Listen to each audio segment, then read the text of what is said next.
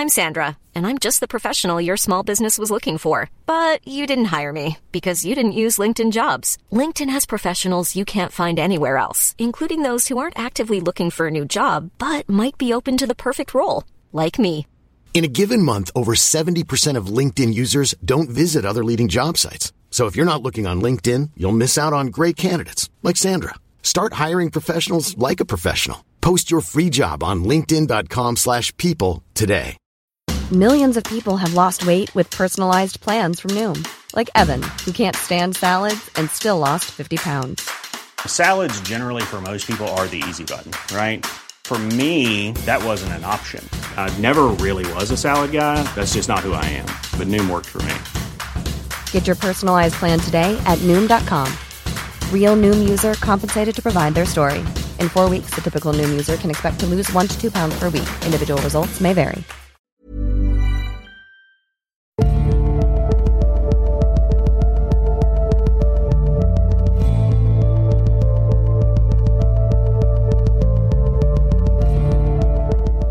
Hei og velkommen til Tåkeprat. Jeg heter Even, og i dag er det søndag den 21. mai 2017, og vi er kommet til episode 25. Som mange av dere sikkert allerede har fått med seg, så lanserte jeg denne uken tåkeprat.com. Her er det da, i tillegg til muligheten til å laste ned eller streame episoder direkte fra siden, linker til feeden i iTunes og Stitcher, slik at du er kun ett trykk unna tåkeprat rett i telefonen, eller hva for en dings du nå bruker til å høre podcaster. Her finner du også linker til sosiale medier, og jeg kommer helt sikkert til å legge ut flere ting her etter hvert. Og nå tror jeg ikke jeg kan gjøre stort mer for å gjøre det enkelt å dele denne podkasten, og så er det veldig lett å huske, da. Tåkeprat.com, altså. Dette er mest sannsynlig den nest siste delen i serien om People's Temple. Jeg sier mest sannsynlig, for i de to siste årene av historien til tempelet, så er det så mange forskjellige skjebner og historier som utspiller seg, at det er vanskelig å finne hvilken tråd man egentlig bør følge. Jeg skal forsøke å styre denne fortellingen uten for mange sidesprang fra kjernen i historien, så om det er noen Jonestown-historikere der ute som savner noen aspekter av historien i de siste delene, så er dette grunnen.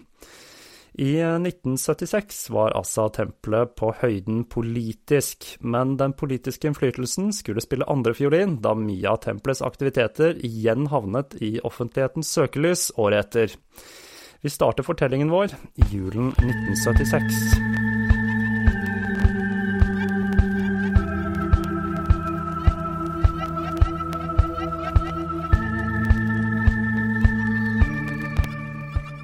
Julen 1976 var den beste Marceline hadde hatt på flere år. Hun feiret den med barna sine, mens Jones var på besøk i Guyana, og for å toppe julehøytiden så ringer hun foreldrene sine og inviterer de på besøk. Og de kommer til San Francisco den 5. februar 1977, og familien tilbringer en flott uke sammen, før Marceline får en telefon som satte en stopper for den gode stemningen. Det var Jones, og han ville ta med seg Steven til Guyana neste våren. Marceline hadde liten lyst til å sende sønnen sin til Guyana, men hun forsto hvorfor Jones ønsket å sende han dit. Etter selvmordsforsøkene så var han bekymret for at hans egen sønn skulle hoppe av. Steven nektet først, men han lot seg etter hvert overtale da Marceline sa at hun ville at han skulle dra, og Jones hadde lovet å sende han hjem etter bare en uke. Da Steven kommer til Guyana, så begynner straks Jones å overtale han til å bli der permanent. Det er noe han til slutt sier seg motvillig villig til, da han nødig ville risikere å havne utenfor det eneste fellesskapet han noen gang hadde kjent til. Og Jones han begynner å flytte barna og familien deres én etter én til Guyana. Han visste nemlig at dette ville gjøre det vanskelig for Marceline om hun skulle bestemme seg for å forlate han. Mot slutten av 1976 så hadde nybyggerne i Jonestown satt opp tempo med utviklingen av jordbrukssamfunnet. De hadde ikke lenger kveldene fri, og de holdt det gående fra daggry til klokka 23.00. I begynnelsen av 77 så var det fremdeles færre enn 50 innbyggere, og de få bygningene der besto av enkle konstruksjoner med lerretstak, mens de da ventet på tømmer til å bygge ut mer permanente strukturer. og de fortsatte arbeidet med å bygge ut jordbruksområdet, som nå spant seg over flere mål. De konstruerte et sagbruk, og de hadde en grisebinge og hønsehus, i tillegg til en mølle hvor de da malte kassavarot til mel. Cassava er da en av de vanligste avlingene å dyrke i tropiske strøk, da dette er en svært hardfør plante og en utmerket kilde til karbohydrater. Og denne båten Cujo den tøffet da fram og tilbake til Georgetown til, for å hente forsyninger. Når uh, Stephen Jones uh, ankom Jonestown, hadde det første arbeidet med å sette opp permanente strukturer begynt, og han ble satt til å jobbe med Albert uh, Touchette med å bygge latriner, brønner og sovesaler. Steven trivdes godt med det fysiske arbeidet, og til tross for først å ha vært svært skeptisk til en permanent tilværelse i Jonestown, så begynte han også å like nybyggerlivet. Dagene var lange, og de startet allerede klokka fem. Men de hadde rikelig med mat, og de hadde en times siesta på den varmeste tiden av dagen. Med sagbruket i full sving så klarer de å bygge 60 hytter med dører, vinduer og tregulv. Hele operasjonen den gikk knirkefritt under ledelsen til Charlie Touchette, men problemene med den dårlige jorda de vedvarte. Pga. feil rotasjon av avlinger så ble forholdene enda dårligere, og de fikk ikke noe hjelp av Jones og tempelet til å bedre disse forholdene, da dette ville koste penger. Steven ble som en storebror for eh, John Victor Stowen, og til tross for at han savnet moren sin fryktelig, så stortrivdes han i sin nye tilværelse. Selv om arbeidet var ulønnet, så var han svært stolt av å kunne bidra til å bygge denne tilværelsen i jungelen og være en del av fellesskapet i Jonestown. Dette var en følelse han delte med resten av innbyggerne i det lille samfunnet. Mot eh, slutten av 76 snakket reporteren Marshall Kilduff fra San Francisco Cryonical med noen kollegaer over en kopp kaffe mens de ventet på et møte i Housing Authority de skulle dekke. Kilduff hadde aldri festet så mye lit til Kinsolvings serie om tempelet, men han var klar over at Jones eh, så ut til å ha en viss påvirkningskraft på pressen. En av kollegaene hans, nemlig Julie Smith, hadde blitt utsatt for eh, Jones smiger da hun holdt på med en artikkel om tempelet tidligere det samme år, og på mystisk vis hadde Jones fått greie på innholdet i artikkelen før den var blitt publisert. Journalistene diskuterte dette mens de ventet på møtet. Og også denne dagen så var Jones eh, sine lakeier i omløp, og etter møtet så kommer Jones over til Kilduff, og han sier Jeg hører du tror jeg er eksentrisk og smigrer pressen. Kilduff svarte at han ikke visste hvordan Jones hadde fått greie på dette, men at han aldri ville si noe slikt offentlig, hvorpå Jones svarte Jeg har følelsen av at du ikke stoler på meg. Dette skremte ikke Kilduff. Tvert imot, han ble nysgjerrig og bestemte seg for å grave dypere. Og i januar 1977 besøker Marshall Kilduff tempelet i noe som kan minne om en tilrettelagt omvisning i Nord-Korea. Og for dere som ikke har sett hvordan dette foregår, så kan jeg virkelig anbefale å se en av de mange reisedokumentarene fra Nord-Korea. Blant annet så har Vice en skikkelig bra en. Flere andre besøkende som tydelig var plantet der, de priset eh, tempelets arbeid, og i auditoriet satt 2000 medlemmer i stillhet, tilsynelatende ventende. De kunne ikke vente på han, kunne de vel? Da han ble eskortert eh, inn i auditoriet og plassert på en av de første radene, så oppdager han eh, til sin forskrekkelse at sjefen hans fra Cryonical, Stephen Gavin, og en av hans kollegaer, Katie Butler, var i forsamlingen. Han hilser litt forbløffet på disse to, før showet begynte. Det var da en gudstjeneste som besto av bekjennelser om tempelets gode arbeid, underholdning og en Q&A med Jones. Neste dag så spør eh, Kilduff Gavin om de ikke skal lage en artikkel om denne fargerike pastoren, hvorpå Gavin forteller at dette var ikke nødvendig, da Julie Smith hadde laget en artikkel om tempelet året før. Men istedenfor å droppe saken, så bestemmer Kilduff seg for å skrive saken som frilans for et magasin, og han begynner å grave dypere. Han begynner å danne seg et bilde av Jones fra intervjuer med svarte predikanter og Jones' politiske støttespillere. Han deltok også regelmessig i møtene til Housing Authority, hvor han ble åpenlyst overvåket av Jones sine lakeier, noe som var så ille at Kilduff syntes det hele var latterlig. Og tempelet var igjen i full forsvarsmodus. De begynte å gå gjennom søpla til Kildoff, og kontaktet vennene og kollegaene hans for å komme til bunns i hva historien hans skulle handle om. De fotfulgte han hvor enn han dro, selv til barer kveldstid. I januarutgaven av People's Forum trykket tempelet en artikkel hvor de skrev at Kildoff holdt på med en kampanje for å svartmale tempelets humanitære arbeid. Dessverre så visste ikke Grace Stowen om Kilduff sitt arbeid enda. Hun hadde ikke gitt opp å få tilbake sønnen sin, og hun begynte nå arbeidet med å få Victor tilbake. Jones hadde forsøkt å sikre seg mot beskyldninger om kidnapping ved å få Tim og Grace til å skrive under på erklæringer hvor de godtok at gutten ble flyttet til Jonestown. Det er da ikke helt klart for meg om eh, dette var da et av de Jeg vet at Tim han uh, skrev under på dette dokumentet, men jeg lurer på om Grace uh, da skrev under på et blankt papir, sånn som de gjorde i PC, og så fylte de ut dette papiret i ettertid, da. Mest sannsynlig. Jeg har ikke lest noe sted at Grace skrev under på en sånn type erklæring. Men uh, Grace hun hadde da begynt å riste av seg tempelets uh, indoktrinering, og i 1977 så søker hun skilsmisse fra Tim Stowen. Og Jones han var klar over at Grace mest sannsynlig ville få omsorgen for Victor om saken da skulle gå, komme opp i rettsapparatet og han visste at Tim ville havne i trøbbel om han ikke ville gi fra seg barnet, noe som da igjen ville føre til at tempelet igjen ville havne i offentlighetens søkelys og vekke interessen til pressen. Men Jones hadde jo selvsagt løsninger på den slags, da, og han beordrer Stowen til å ta permisjon fra jobben og flytte til Jonestown. Stowen hadde akkurat fått en ny stilling ved advokatkontoret han jobbet ved, og den plutselige forespørselen om å få ta et avbrekk fra jobben ble ikke godt mottatt, selv om han da forklarte det hele med at han trengte å reise utenlands for å få erfaring med internasjonalt juridisk arbeid. Han ber en eh, kollega ta en koffert og et par pappesker med eiendelene sine til en venn, Billy Hunter, som også var en advokat. Han eh, sa at han trengte dette for oppbevaring frem til han trengte disse senere. Før han reiser, så skaffer han seg også et ekstra pass, og han får faren hans til å åpne noen private bankkontoer i hans navn.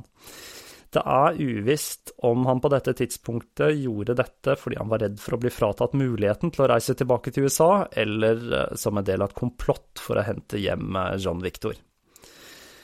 Dette var spørsmål som skulle oppta Jones den neste tiden. Han hadde nemlig klart å få tak i et brev fra faren til Tim med sjekkhefter til de nyåpnede bankkontoene i Colorado, og brevet var da datert den 16. februar, den samme dagen som Tim hadde reist til Guyana.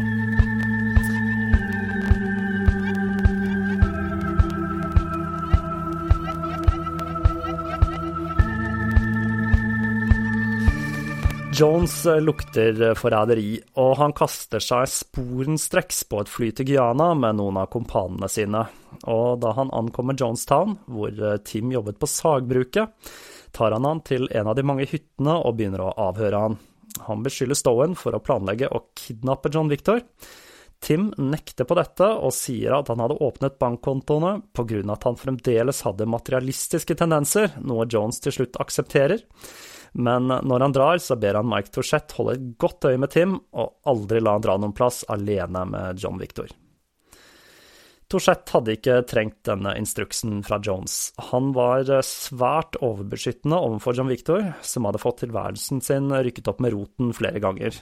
Han hadde da hatt tre kvinner som mødre, Grace, Maria og nå Mikes egen mor Joyce.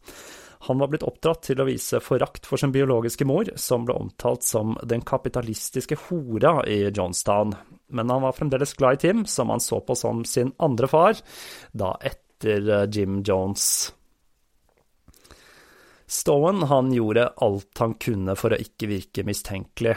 Han arbeidet 14 eh, timer nonstop hver eneste dag i sagbruket, sånn at ingen kunne beskylde han for å være elitist. Men eh, folk i Jonestown syntes han var litt mistenkelig, og de satte ikke pris på det når han klaget over vondt i ryggen eller gjorde grimaser fordi han var sliten. Og mange var lettet når eh, Tim ble satt til å gjøre papirarbeid. Tim syntes også det var vanskelig at de andre i Jonestown mente at han ga John Victor for lite oppmerksomhet. Dette var da et dilemma Tim ikke kunne løse. I mars flytter han inn i Georgetown for å gjenoppta advokatarbeidet sitt, og han søker om en lisens for å kunne praktisere juss i Guyana, men samtidig så la han en annen plan. Han følte et økende behov for å komme seg hjem til statene, ikke minst fordi han hadde fått en ny kvinne i sitt liv, og hun var ikke et medlem av tempelet. Han legger igjen en beskjed hvor han skriver at han hadde reist til statene for egen regning, og at han planla å komme tilbake til Guyana i september. Videre så forklarer han at han hadde truffet en svart kvinne. Med dette så forsvinner Tim, og Jones blir igjen grepet av panikk. Men med litt eh, detektivarbeid fra tempelet så finner de ut at Billy Hunter, som da hadde eiendelene til Tim, hadde fått beskjed om å sende disse til London. Da Hunter ikke visste hva som foregikk, så mottok han villig hjelp fra Sandy Bradshaw og Mike Prokes, som sa de kunne ordne transporten av eiendelene til Tim for Hunter. Og med dette så dro de to til London, hvor en svært overrasket Tim blir møtt av de to når han skal hente bagasjen sin. De overtaler han til å ringe Jones, som forsøker å overtale Tim med å bestikke han med at han da skal få sitt eget hotell i Granada, som han kan drive som sitt eget sosialistiske møtesenter. Og til slutt så går han med på å dra tilbake til Guyana for å hjelpe Jones med noen juridiske saker. Men han sier da at han vil være i London et par dager til for å få med seg et stykke av Shakespeare, hvorpå Jones utbryter Er du klar over at Shakespeare var homoseksuell? Når Tim kom tilbake til Guyana, så ble det klart at tilliten til han var svært svekket, og de første dagene så fikk Jones et nytt besvimelsesanfall, eller hjerteattakk, nesten hver eneste kveld, noe som det ble gjort klart at var Tims feil for sviket hans mot tempelet. Og i løpet av noen uker så klarer Jones igjen å få Tims lojalitet og dedikasjon til tempelet, blant annet ved å fremheve tempelets veldedighetsarbeid og kamp mot sosial ulikhet. Men alt dette gikk Jones på nervene, og han var livredd for hva som skulle stå i artikkelen til Kilduff. Og en dag så spør han Mike Touchette om hva han syns om å flytte en stor gruppe mennesker til Guyana til noe Mike svarer at eh, dette vil være umulig, da det var langt fra nok kapasitet i Jonestown til dette. Samfunnet kunne maksimalt ta til seg 150-200 mennesker, og selv dette ville være å strekke strikken langt. Men Jones han hørte ikke på det øret, og i perioden 27. april til 1. mai 1977 så holder Jones møter i Guyana med Stowen, Jean Jacquin, Harriet Tropp, Terry Buford, Carolyn Laton og noen ganger Marceline i 16 24 timer hver dag for å planlegge den store utvandringen til Guyana. Jones planla å flytte minst 1000 medlemmer til Jonestown, og mange i ledelsen i tempelet var svært bekymret over dette. Marshall Kilduff hadde fremdeles ikke funnet informanter som kunne gi artiklene hans nok tyngde til å være skadelig for tempelet. Og til tross for Jones' overbevisning om at FBI og CIA var etter han, så var begge organisasjonene totalt uinteressert i People's Temple. Det eneste som hadde noe interesse for hva Jones og tempelet drev med, var den føderale sambandskommisjonen, som rynket på nesa over små brudd på sambandsreglene med kortbølgesendinger fra Jonestown, og IRS, som ikke var helt sikre på om det politiske arbeidet til tempelet samsvarte med skattefritaket tempelet hadde fått. Det var altså Jones' paranoia og konstruerte fiender, og ikke reelle problemer, som skulle føre til den store utvandringen til Guyana. Like etter planen for den store utvandringen er lagt, så skjer en litt bisarr ting. Tempelet blir spurt om de kan stille med medlemmer i en demonstrasjon. Ikke at det var så spesielt eh, i seg selv, men dette var da en demonstrasjon på Golden Gate mot selvmord. Jones han eh, taler i denne demonstrasjonen, og her eh, glipper han et par ganger. Han forteller forsamlingen. Selvmord er et symptom på et samfunn som ikke bryr seg. Selvmorderen er et offer for en tilværelse vi ikke kan tolerere. Og jeg har selv vært i humør til å begå selvmord, kanskje for første gang i mitt liv, så jeg har personlig empati for hva vi gjør her i dag. Takk. Flere måter å flytte så mange medlemmer på ble vurdert. De kunne sende 450 medlemmer i to skip, for så å etterfylle med ca. 100 nye medlemmer i måneden. Dette ville gjøre at Johnstown ville være ferdig befolket i februar 1978. eller ved å flytte 250 i måneden, noe som ville få jobben gjort til august 1977. En slik rask utvandring bød selvsagt på en hel haug med utfordringer. Det ville jo øke risikoen for at medlemmer motsatte seg flyttingen eller fortalte om planene til presse eller myndigheter. Planen gjorde også at tempelet måtte selge en god del av eiendommene sine i statene på kort tid, noe som da ville føre til at de ikke ville få et maksimalt utbytte av salget, og ikke minst, de kom til å miste en del inntekter fra tempelmedlemmer og kollekt fra gudstjenestene. Det ble da avgjort at de første som skulle sendes til Jonestown, var medlemmer som var i stand til hardt fysisk arbeid, og medlemmer som mottok trygd eller pensjon, slik at de kunne bidra like mye økonomisk i Guyana som i statene. De aller fleste i ledelsen ville bli i California, slik at det skulle virke som om alt var som vanlig. Et unntak var Maria Katsarsis. Jones han var redd for at faren hennes skulle forsøke å bli hennes rettslige verge. Dette var noe som hadde skjedd i flere saker med medlemmer av Unification Church, såkalte Moonies. Planene ble lagt for å selge kirkene i San Francisco og LA. Det ble bestemt at Jones skulle dra midlertidig tilbake til San Francisco for å administrere utvandringen. Planen var at de nyankomne skulle jobbe de to første ukene i åkrene, før de eventuelt ble tildelt andre jobber, noe som ville redusere kostnadene til å leie inn innfødte for å gjøre disse jobbene. Og de planlagte boforholdene var ikke helt hva Charlie Touchette hadde tenkt seg. Han hadde i utgangspunktet planlagt hytter med to par i hver, eller kanskje til nød tre men nå fikk han beskjed om å bygge hytter med plass til tolv mennesker i hver, i tillegg til fem sovesaler med plass til 45 i hver, og en spisesal. Arbeidsdagene skulle vare fra 6.30 til 6 på kvelden, sju dager i uka, med én times spisepause som skulle forsøkes å begrenses til en halvtime. Fritiden var nå også planlagt. Søndager var det møte, mandag film, tirsdag fri eller møte, onsdag møte og klasser i sosialisme, torsdag fri eller møte, og fredag barnekveld med pølser, og lørdag prosjektplanlegging og jordbruksdag. Mens alt dette pågår, blir Jones mer og mer mistenkelig overfor eh, Team Stowen. Og når han lar attaché-kofferten sin stå ubevoktet, så får Jones hjelperne sine til å knekke kodelåsen, og han går gjennom innholdet. Og i kofferten så finner han blant annet da kjærlighetsbrev fra en kvinne som het Beverly, bilder av Grace og Victor, og noe skikkelig mystisk.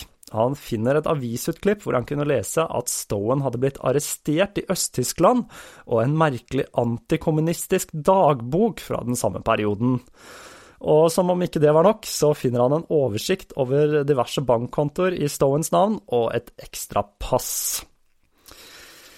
Jones begynner nå å mistenke at Stowen var en hemmelig agent, uh, selv om det senere skulle vise seg at avisutklippet og dagboken stammet fra mange år tidligere og faktisk ikke hadde noen ting med Jones å gjøre. Det var jo ganske idiotisk av uh, Stowen å gå rundt med dette i kofferten sin, da, spør du meg, men ja ja. Til tross for dette så jobbet Stowen fremdeles iherdig for tempelet, som nå hadde startet arbeidet med å skyfle bort penger i diverse utenlandske bankkontoer, bl.a. i Grenada. Men på ett område så hadde Jones rett om Tim. Han var i ferd med å hoppe av, og den 12. juni 1977 så lurer Tim seg på et Panam-fly til USA, hvor han da oppdager at hans eh, nye forelskelse hadde funnet seg en annen mann. Og han reiser da først til Colorado, og så tar han en liten rundtur i Europa, før han bestemmer seg for å ta kontakt med Grace og forteller henne at han vil hjelpe henne med å få tilbake John Victor men de to blir ikke enige om hvordan. Grace hun vil bruke rettsapparatet, og Tim han vil forhandle med Jones.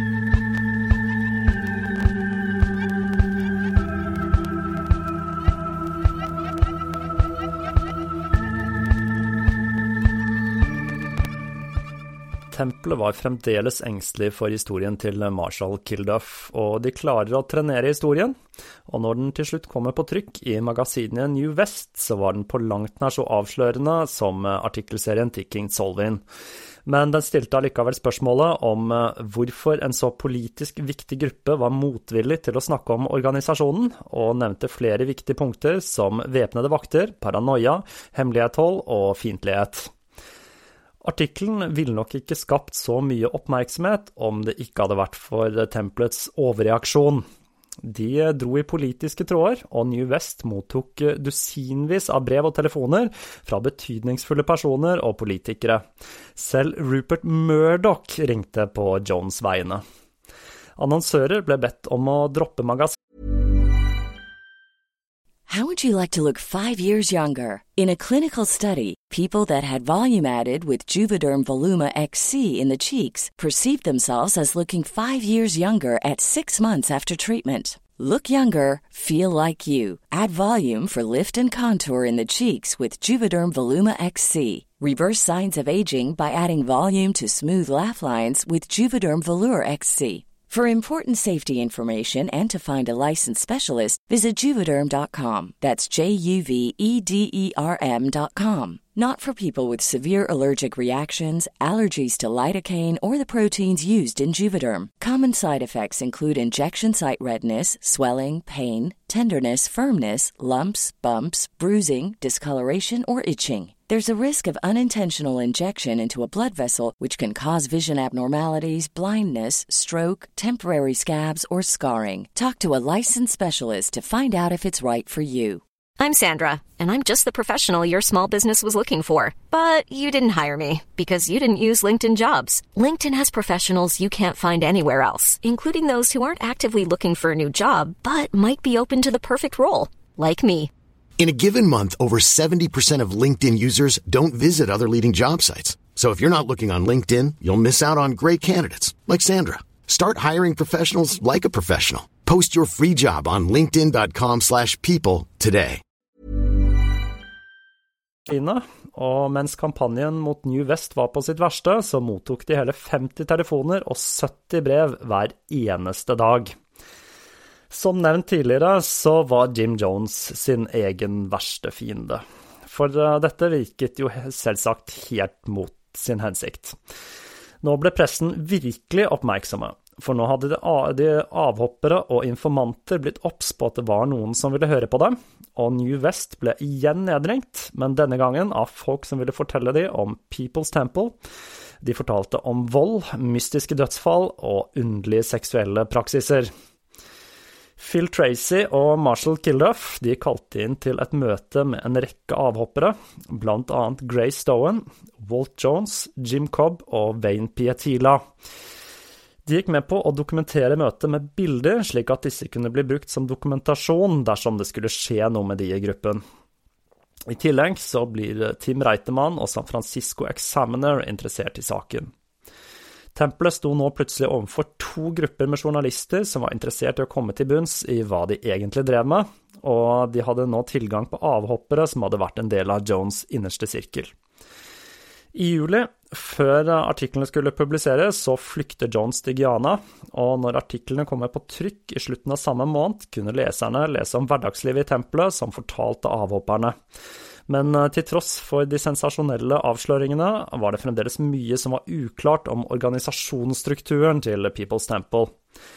Artiklene vakte en del oppmerksomhet, ikke minst fra tempelet, som svarte med demonstrasjoner og igjen ved å bruke sine allierte i maktposisjoner. Reitemann og en annen journalist fra The Examiner, Nancy Dooley, klarer å få tak i enda flere avhoppere, og sammen med Tracy og Kilduff så setter de i gang enda et møte med denne nye gruppen, som annet kunne fortelle Anthony Rubin ble dopet ned sånn at Jones kunne vekke han fra de døde. En gutt ble tvunget til å spise sitt eget oppkast. En ved navn Marvin Wideman ble slått. En kvinne ble kledd naken foran forsamlingen og gjort narr av etter å ha uttrykket seksuelle følelser for Jones. En tolvåring døde av forgiftning, mest sannsynlig en overdose, fordi medlemmene forsøkte å helbrede han ved å putte et bilde av Jones på hjertet hans. Og så kom selvsagt historien om den forgiftede vinen, da. Alt dette resulterte i to artikler i søndagsutgaven av San Francisco Examiner den 7. og 14. august 1977. Denne søndagsutgaven hadde da mer enn en million lesere, og nå begynte tiden å renne ut for tempelet. I eh, flere måneder hadde de ansatte ved passkontoret i San Francisco observert et merkelig fenomen. Så mange som eh, kanskje 500-600 mennesker hadde kommet for å få pass så de kunne reise til det obskure landet Guyana. De kom gjerne i små grupper som besto av enten veldig unge eller veldig gamle, og de hadde alltid med seg en påpasser. Alle hadde de nødvendige vaksiner, bilder til pass, riktig beløp til passet og dokumentasjon på statsborgerskap. Det var da ikke noe ulovlig med dette, så passkontoret hadde ikke rapportert dette videre. Fra før av så hadde tempelet oppfordret alle til å skaffe seg et pass, fordi det kanskje kunne bli nødvendig å forlate landet på kort varsel, og de som ikke hadde råd til dette selv, hadde fått midler fra tempelet. For de som ikke hadde fødselsattest, så hjalp tempelet til med dette. Dette var et problem, spesielt for de eldre svarte, og dette er et problem i mange stater en dag i dag, hvor eldre svarte, da spesielt i sørstatene, ikke har fødselsattest, noe de da må ha for å kunne registrere seg for å stemme. Utvandringen var en kjempeprestasjon av People's Temple. Det var mye som måtte tas hånd om, og tempelet hadde en sjekkliste for hver person. Og i tillegg til alle medlemmene så måtte tempelet ta hånd om egne finanser og flytte pengene sine. Mye av disse ble flyttet til diverse utenlandske banker, og noe ble tatt med cash kontant til Jonestown, da enten i summer som var innenfor den lovlige grensen for eksport av valuta, og som ble sendt med nybyggerne, eller i større summer smuglet i bagasjen. For tempelet hadde betydelige summer. Bare i 1975 hadde People's Temple verdier for 10 millioner dollar, et beløp som hadde vokst seg langt større i 1977, selv om det da er vanskelig å finne et eksakt tall, da disse verdiene var spredd over en rekke bankkontoer og i en rekke eiendommer. Jones var eh, selvsagt bekymret for Tims kjennskap til Tempelets finanser, ettersom han hadde stått for mye av forvaltningen av Tempelets formue. Tempelet hadde selvsagt også satt opp et par eh, fake corporations i Panama, et fenomen vi da kjenner godt fra våre egne dager. Og med det merkelige norske ordet skatteparadis. Jeg antar at ordet skatteparadis skyldes en misoppfattelse av ordet tax haven. Det er da altså haven som i trygg havn, og ikke heaven som i himmel eller paradis. Jeg vet ikke hvilken surrete finansjournalist som uh, gjorde den feilen opprinnelig, men uh, ja ja, nok om det. Um, Jones han sender Deborah Laton og Maria Katsaris på en rundtur til disse landene for å flytte kapitalet, slik at Tim ikke kunne hjelpe myndighetene med å fryse kontoene. Og historien om rundturen til disse to damene er herlig beskrevet i Seductive Poison, og minner om en skikkelig spionhistorie, altså. Eh, de to de kler seg da ut som gamle damer, og de er livredde for at de blir forfulgt av hemmelige agenter, selv om det på dette tidspunktet neppe var noen som var på utkikk etter dem. Så trodde de i hvert fall dette selv. Til å begynne med så er eh, de gianesiske myndighetene litt motvillige til å godkjenne denne enorme mengden innvandrere. Folk pleide tross alt å flykte fra Giana og ikke inn i landet, men Jones han overtaler dem raskt da han viser dem en konvolutt med 500 000 dollar han sier skal settes inn i den gianesiske banken, og innen september så hadde 1000 tempelmedlemmer ankommet det søramerikanske landet. De 500 000 gikk da aldri inn i den ghanesiske banken, så det er sagt. Jonestown var i kontinuerlig kommunikasjon med tempelet i San Francisco over kortbølgeradio, med instrukser om utvandringen og med oppdateringer om pressedekning osv. Tempelet var veldig opptatt av å holde utvandringen hemmelig, spesielt med tanke på slektninger og folk som ville forsøke å stoppe dem, spesielt da med tanke på barna. Jones påla alle til å møte til samtlige gudstjenester i San Francisco, som nå ble ledet av Marcelly, så ingen skulle legge merke til det synkende antallet medlemmer. Noen sa opp jobbene sine, andre lot eh, bare være å møte opp, og familier ble plutselig splittet, noen uten forklaring, som da Freddy Lewis kom hjem fra jobb og oppdaget at kona hadde tatt med seg de sju barna deres og mesteparten av verdigjenstandene og dratt til Guyana. Enkelte forsøkte å varsle myndighetene om at noe var på gang, annet Tim Stowen, men uten hell. De tusen tempelmedlemmene rant ut av statene mellom fingrene på både rettsapparat og slektninger.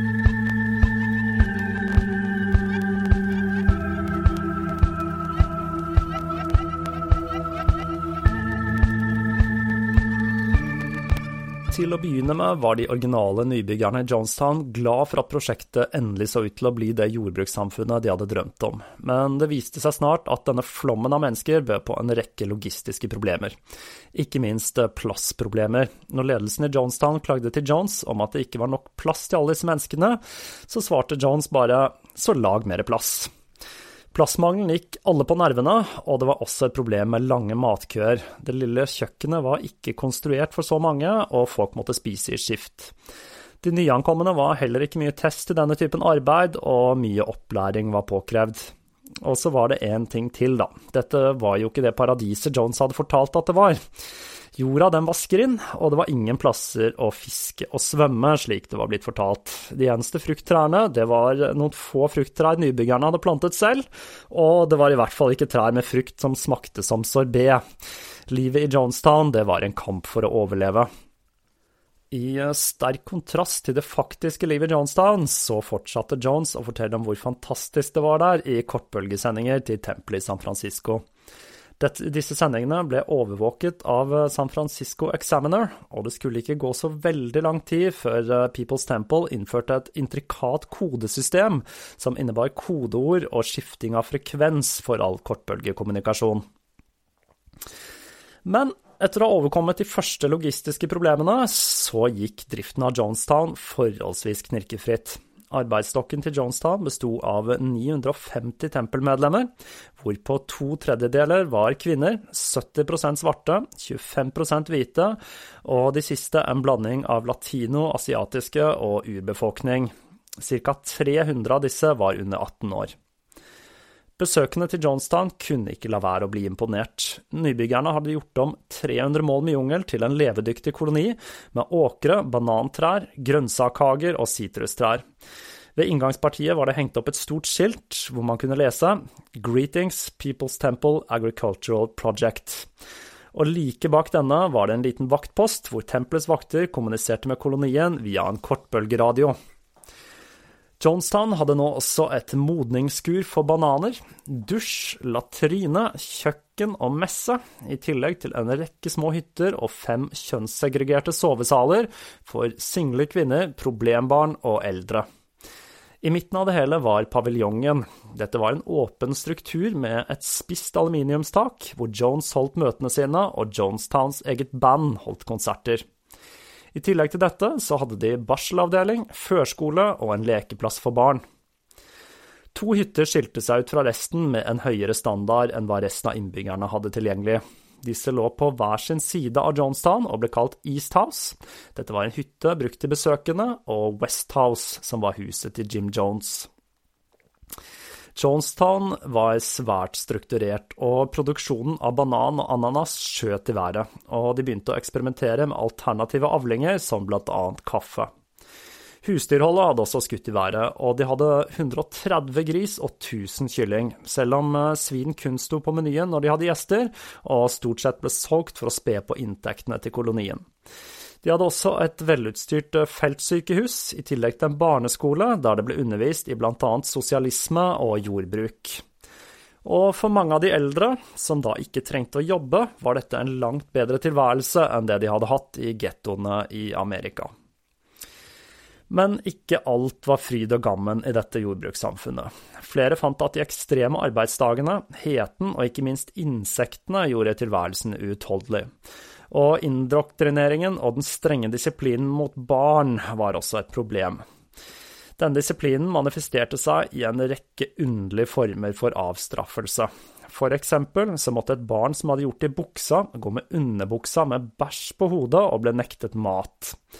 En gutt som sa at han var lei av å høre om fars offer for menigheten, ble regelrett slått ned, og Charlie Torsett måtte kaste seg opp på gutten for å forhindre at han ble slått mer.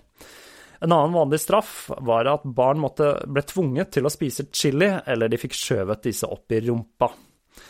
En annen straffemetode som ble brukt mot barn, var at de ble firt ned i en brønn, og mens de hang der i mørket i timevis, så lagde tempelmedlemmene skumle lyder for å skremme dem. Og igjen så var det da nye regler om eh, sex. Maria og Marceline kunngjorde på et møte for kvinnene i Jonestown at sex var nå forbudt, for all energi skulle brukes på arbeid. Denne regelen gjaldt da selvfølgelig ikke for Jones selv. Jones sine møter de dreide seg nå mer og mer om å overbevise menigheten om at tilværelsen i Guyana var å foretrekke framfor det dekadente livet i statene. Og Johnstown var nå også under etterforskning av tollvesenet for våpensmugling, da det gikk et rykte om at det var blitt smuglet ut 170 våpen med nybyggerne. Jones fortsatte å bestille våpen fra statene til tross for dette, men han var nå langt mer forsiktig og begynte å bruke kodeord. Kodeordet for våpen det var da Bibel, noe som er ganske passende for en gruppe som framstilte seg selv som kristne. Men antallet våpen i Jonestown det skulle senere vise seg å være langt mindre enn hva ryktene sa. En nybygger, Leon Broussard, hadde klart å rømme fra Johnstown og tilbake til California, og dette førte til en rekke ubeleiligheter for Johnstown. På vei hjem så hadde Leon gjort ambassaden oppmerksom på at ikke alt var som det skulle i Johnstown, og dette hadde blant annet ført til en inspeksjon. Og når han var tilbake i Statene, så tok Leon kontakt med San Francisco Examiner ved hjelp av et eks-tempelmedlem. Leons historie forteller om et liv i jungelen som minte mer om en arbeidsleir enn det paradiset tempelet selv beskrev. Han fortalte også om en straffemetode, hullet.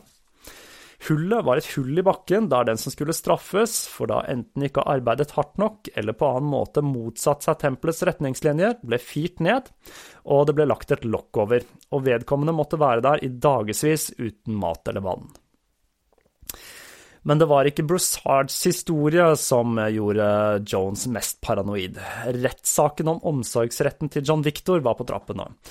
Og Graces advokat var i Georgetown for å overtale de guyanesiske myndighetene til å følge en amerikansk rettskjennelse om å sende gutten tilbake til California. Harriet Tropp og Paula Adams hadde klart å bli venner med denne advokaten ved da å late som om de var amerikanske turister. Og de kunne rapportere til Jones at uh, Haas regnet med å få saken i boks innen utgangen av september, og at det var satt en dato for en rettslig høring i Georgetown den 6. september. Og nå begynte hodet til Jones å spinne. Kvelden før høringen i Georgetown begynte hva som skulle utvikle seg til å bli en serie med arrangerte angrep mot Jonestown. Stephen Jones og Johnny Brown hørte et skudd fra hytta til Jones. De løp til hytta, hvor de finner Jones liggende på gulvet med ansiktet ned.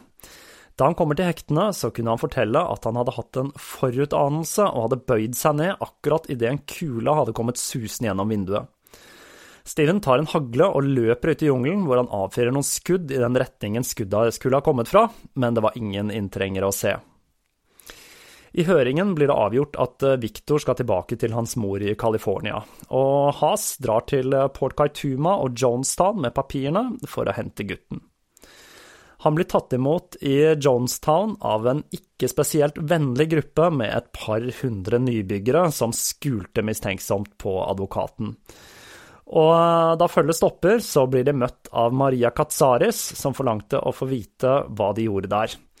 Da de sier at de har en rettskjennelse, og at de vil snakke med Jones, så blir de bryskt avvist og fortalt at Jones ikke var i Jonestown, og ingen var helt sikre på hvor han var. Hass ser da ingen annen mulighet enn å dra tilbake med uforrettet sak. Senere ble det kjent at eh, Jones hadde blitt sett i Jonestown eh, den samme dagen. Nå begynte panikken å bre seg for fullt, og Jones iverksetter hva som senere skulle bli omtalt som seksdagersbeleiringen. Sirenene gikk, og Jones kunne høres over høyttaleranlegget. Alarm, alarm, alarm. Alle innbyggerne ble samlet i paviljongen av bevæpnede vakter, og de som jobbet på jordene ble hentet med pickuper av vakter som fortalte det, vi kommer alle til å dø. Etter først å ha blitt ransaket i paviljongen, ble alle utstyrt med våpen, macheter, kniver, armbrøster, høygafler og spader. Hvorfor de da skulle bli ransaket før de ble utstyrt med våpen, er jo litt absurd, da. De ble bedt om å danne en sirkel og se ut mot jungelen. Når Jones hadde de livredde troppene sine på plass, begynte han å tale til forsamlingen. Han fortalte at de var under angrep fra leiesoldater som jobbet for Tim Stowen, og at den gyanesiske hæren også kom til å angripe.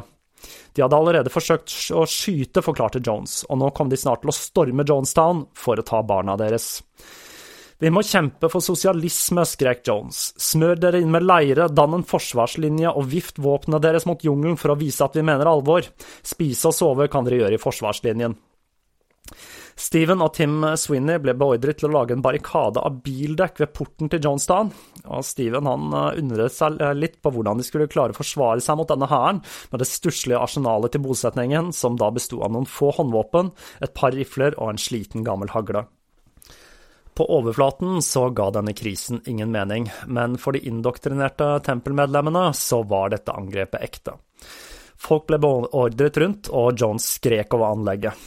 Alarm, alarm, alarm, vi har sett leiesoldater i jungelen. Jeg er blitt truffet, jeg er truffet, jeg er truffet. Forhold dere rolige, hva enn dere gjør, ikke angrip, vi er fredelige, gi oss asyl, vi er fredelige. Og vi har ingen våpen, ikke skyt, vi har ingen våpen. Tiden ble en tåke. Få sov, få spiste.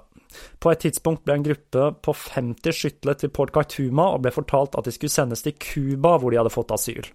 En eldre kvinne faller og brekker hoften da hun skal borde båten. Jones hadde menigheten der han ville, utmattet og i en konstant tilstand av usikkerhet og frykt. Jones får vite at Haas planla å komme tilbake til Jonestown enda en gang, og den 9. september sveiper et lite propellfly over Jonestown og slipper ned en bunke papirer. Ikke rør de, var beskjeden, de kan ta bilder av oss når vi plukker de opp. Når Haas igjen ankommer Jonestown, denne gangen med forsterkninger, blir de møtt av eh, den nye barrikaden og bevæpnede vakter.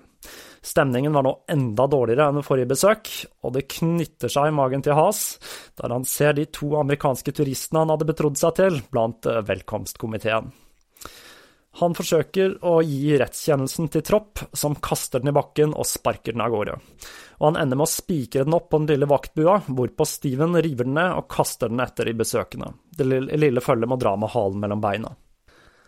Like etter de har dratt, så kommer Jim Jones leiende på John Victor Stowen. Jones finner nå ut at han kan arresteres for å ha motsatt seg rettskjennelsen. Den 10. september våknet Marcelin Jones i den lille leiligheten sin i San Francisco-tempelet at det sprak til radioen. Hun sto opp og svarte. Det var Jones. Som du sikkert har hørt, så er det en arrestordre mot meg. Folk konspirerer. Vi kommer til å måtte forsvare oss, og vi er villige til å dø. Mottatt. Roger. Vi er blitt kraftig sjikanert de siste dagene. Folk skyter på oss. Roger. Men kan du si meg en ting? Gi oss litt tid. Jeg er sikker på at vi kan løse dette. Vi skal gi dere så mye tid som vi har muligheten til, vi er blitt forrådt og løyet for. Utenriksministeren i dette landet har lovet oss et fristed. Vi fikk også et løfte fra doktor Reid. Jeg kan ikke forestille meg at de kan bryte løftet sitt. Jeg kan bli arrestert hvert øyeblikk. Roger, men det må være mulig å stoppe dette. Vær så snill å gi oss litt tid. Marcelin bryter ut i gråt. Hvis du ikke kontrollerer følelsene dine, kan du ødelegge dette historiske øyeblikket. Vi vil ikke la oss ta til fange, vi vil dø om vi ikke kan finne et fristed eller asyl i et land som Tanzania, Libya eller til og med Uganda. Han Amin-fyren virker som han står for det han tror på. Dødstrusselen var ytret, Marcelin visste at den var reell, og at Jones på dette tidspunktet mest sannsynlig hadde holdt seg kunstig våken med amfetamin i en uke eller mer. Jones sendte sønnene sine, Jimmy og Steven.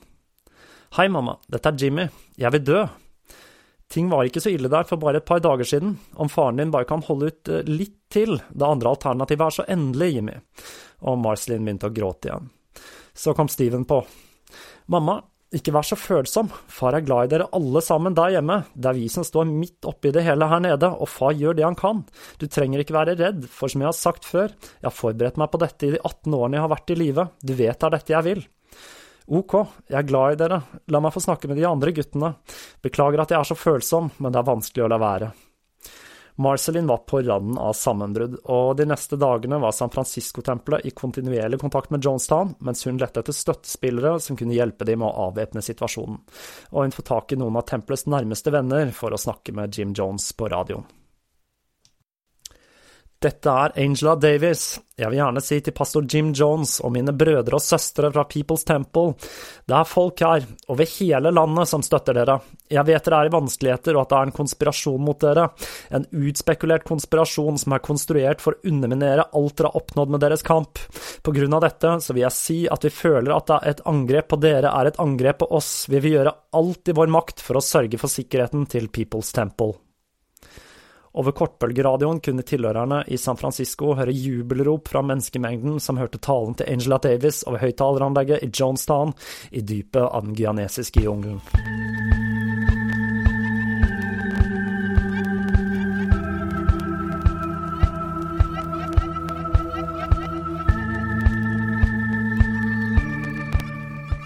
Og med det er det duket for den grusomme finalen til denne historien. Med sitt eget kongerike i jungelen og med tusen mennesker, hovedtyngden kvinner og barn, som var villige til å følge Jones hvor enn han ledet dem, selv til det siste store offer, revolusjonært selvmord. Og da er tåkeprat over for denne gang. Jeg vil igjen oppfordre alle til å sjekke ut tåkeprat.com, og tips gjerne en venn eller to. Da gjenstår det vel bare å si på gjenhør.